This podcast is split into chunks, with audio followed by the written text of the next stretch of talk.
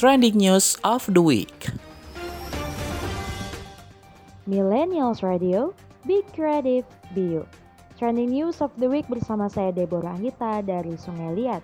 Berita ketiga, foto geng bersenjata tajam di Aceh Utara, tujuh pelaku mengaku cuma konten. Tim Polres Aceh Utara menangkap tujuh remaja yang foto mereka mengacungkan parang dan katana di depan kantor Bupati Aceh Utara menyebar di jejaring media sosial.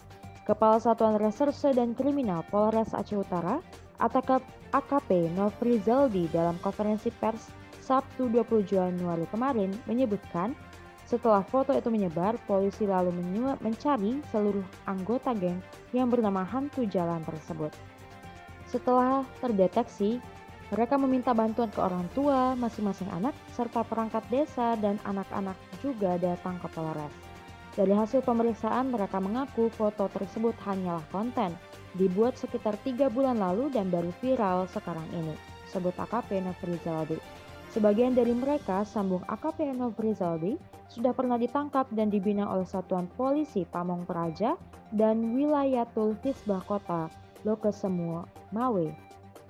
Menurut dia, aktivitas foto yang viral itu hanya bentuk kenakalan remaja dan memang untuk kebutuhan konten. Mereka menegaskan mereka adalah bukan begal dan sejauh ini mereka belum pernah melakukan tindak kriminal dan hanya melakukan foto-foto dengan senjata tajam, yang mana bisa dikatakan bukan suatu peristiwa tindak pidana, ungkap AKP Nefrizaldi.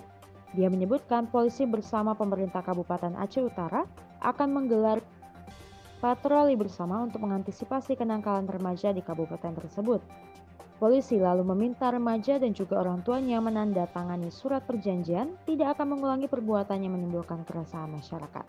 Kita imbau remaja ini jangan terhasut oleh kelompok yang tidak jelas atas nama geng dan lain sebagainya.